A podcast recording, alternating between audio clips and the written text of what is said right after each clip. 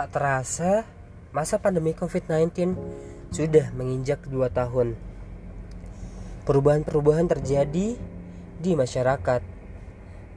Bagaimana cara berperilaku sosial, bagaimana cara kerja, ritme kerja, dan bagaimana cara birokrasi juga berubah. Perubahan-perubahan ini terjadi di seluruh lini masyarakat, mulai dari anak kecil yang melakukan keposyandu, anak usia sekolah yang bagaimana dia menyesuaikan pembelajaran melalui media daring, pekerjaan yang setengah masuk, setengah bekerja dari rumah, dan lansia bagaimana dia mengakses kehidupan-kehidupan lansianya. Kita juga tahu bagaimana COVID-19 menyerang bukan hanya dari segi penyakit tapi juga dari segi sosial keterbatasan ini membuat orang-orang yang rentan semakin rentan karena adanya keterbatasan baik ruang, waktu, tempat, bahkan jumlah pengunjung juga dibatasi. Sehingga terbatasnya layanan-layanan untuk orang-orang yang memiliki kriteria khusus. Salah satunya adalah orang dengan HIV AIDS.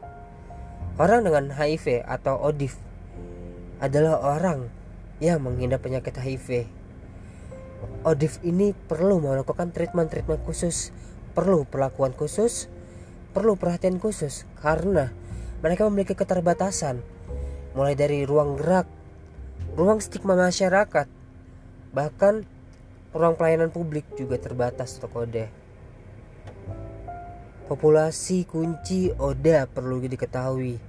Dengan COVID-19 pandemi membuat kita sulit untuk mengetahui siapa orang atau siapa orang yang mau melakukan tes dan bagaimana hasilnya.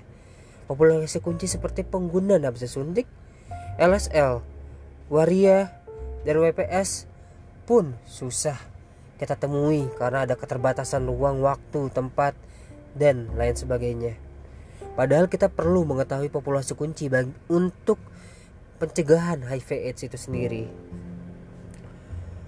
Padahal seperti yang kita tahu, ODIF memiliki kerentanan yang lebih dibandingkan manusia pada umumnya karena ODIF memiliki komorbid bawaan.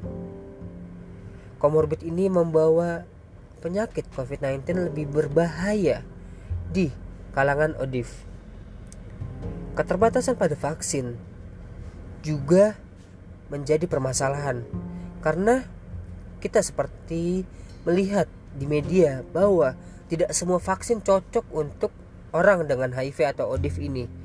Perlu melakukan uji coba karena komorbid atau daya tahan tubuh ODIF ini berbeda dengan daya tahan tubuh orang ma manusia normalnya. Dan akhirnya akses kepada vaksin akan sulit dan butuh waktu yang lebih lama karena butuh penelitian lebih lanjut untuk HIV ini dapat ditemukan vaksin mengenai COVID-nya. UNH telah melakukan langkah mengatasi ketidaksetaraan ini. Dengan pertama, perbaikan sistem dan infrastruktur yang dipimpin oleh komunitas masyarakat dan berpusat pada manusia. Akses yang adil untuk memperoleh obat-obatan, vaksin, dan teknologi kesehatan. Kita lihat bahwa perbaikan sistem dalam infrastruktur yang dipimpin oleh komunitas masyarakat berarti Perbaikan sistem ini dipimpin dari lini terkecil, dari lini masyarakat, mungkin dari lini keluarga, organisasi masyarakat, nah, dusun, desa, kecamatan, mulai dari organisasi RT mungkin.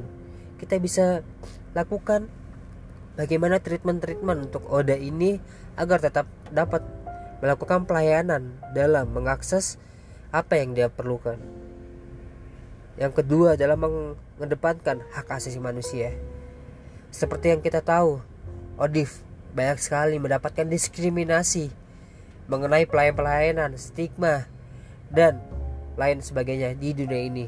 Tapi kita perlu lihat bahwa ODIF adalah juga manusia. Manusia pada umumnya perlu adanya hak. Hak ODIF adalah menerima layanan dalam penyakit yang dia alaminya pemetaan sumber daya seperti fasilitas kesehatan, Alat kesehatan dan tenaga kesehatan perlu dijangkau untuk dalam pelayanan kepada ODIF. Kebutuhan masyarakat akan layanan kesehatan itu penting, tapi kita juga harus lihat bahwa ODIF juga perlu membutuhkan layanan kesehatan karena kita perlu melakukan treatment-treatment yang dapat melakukan mekanisme penanggulangan sesuai dengan protokol pastinya kepada orang dengan HIV karena orang-orang ini memiliki ciri khas-ciri khas khusus, keunikan-keunikan khusus sehingga kita memerlukan treatment-treatment yang unik juga. Ke ketersediaan layanan logistik juga mencegah ah ah mencegah orang dengan HIV AIDS dapat lebih parah laginya. Nah, ketersediaan logistik ini keterbatasan pada masa pandemi ini kita lihat seperti waktu itu ada kasus di mana orang dengan HIV sulit mengakses obat ARV karena ada rumor bahwa ARV itu dapat menyebabkan COVID itu lebih lemah, dapat menguatkan imun. Padahal kan ARV ini untuk orang-orang dengan HIV. Nah, perlunya edukasi kepada masyarakat mengenai bahwa HIV itu butuh obatnya dan obat A ini janganlah dipakai oleh orang-orang yang tidak memiliki kepentingan untuk obat ini. Nah, selanjutnya kita melakukan koordinasi, kolaborasi, sinergitas pada semua sektor. Kolaborasi, koordinasi, dan sinergitas perlu sehingga terjadinya interoperabilitas di antara satu dengan lainnya. Ada sinergitas, ada bagaimana saling terhubung satu sama lainnya. Jadi kalau kita melakukan fasilitas kesehatan, nanti terhubung bagaimana kita dapat melayani informasinya, dapat edukasinya dan dapat lain-lainnya. Bagaimana kalau orang itu wah ternyata orang itu baru terkena positif langsung kita bisa langsung lakukan treatment. Atau mungkin pertama assessment dulu bagaimana kayak semua tergabung dalam satu sistem. Nah setelah tergabung setelah dilakukan uji coba telah dilakukan perlu adanya monitoring dan evaluasi sehingga sistem yang dibuat akan lebih baik daripada sebelumnya Nah sebelum itu juga perlu adanya mitigasi dampaknya nih. Apa nih dampaknya kalau kita melakukan langsung semuanya ke ini? Apakah ada bakal stigma ada apa? Tapi jadi kita harus tahu nih Bagaimana kita harus ada punya plan A, plan B, plan C. Sehingga pelayanan kepada ODIF ini dapat terpenuhnya teratasi. Nah baru kita strategi komunikasi bagaimana kita mengkomunikasikan kepada masyarakat Bahwa ODIF ini perlu adanya perlakuan khusus karena memiliki keunikan tubuhnya. Baru dari terakhir kita melakukan koordinasi dengan kementerian atau lembaga yang terkait baik horizontal ataupun vertikal di dalam pemerintahan. Sehingga ODIF ini dapat diakui dapat melakukan dapat mendapatkan layanan dari pemerintah yang resmi. Mungkin, mungkin dari cara dia melakukan kehidupan di masa pandemi. Seminar-seminar contohnya. Bagaimana cara dia mendapatkan fasilitas obat-obatan.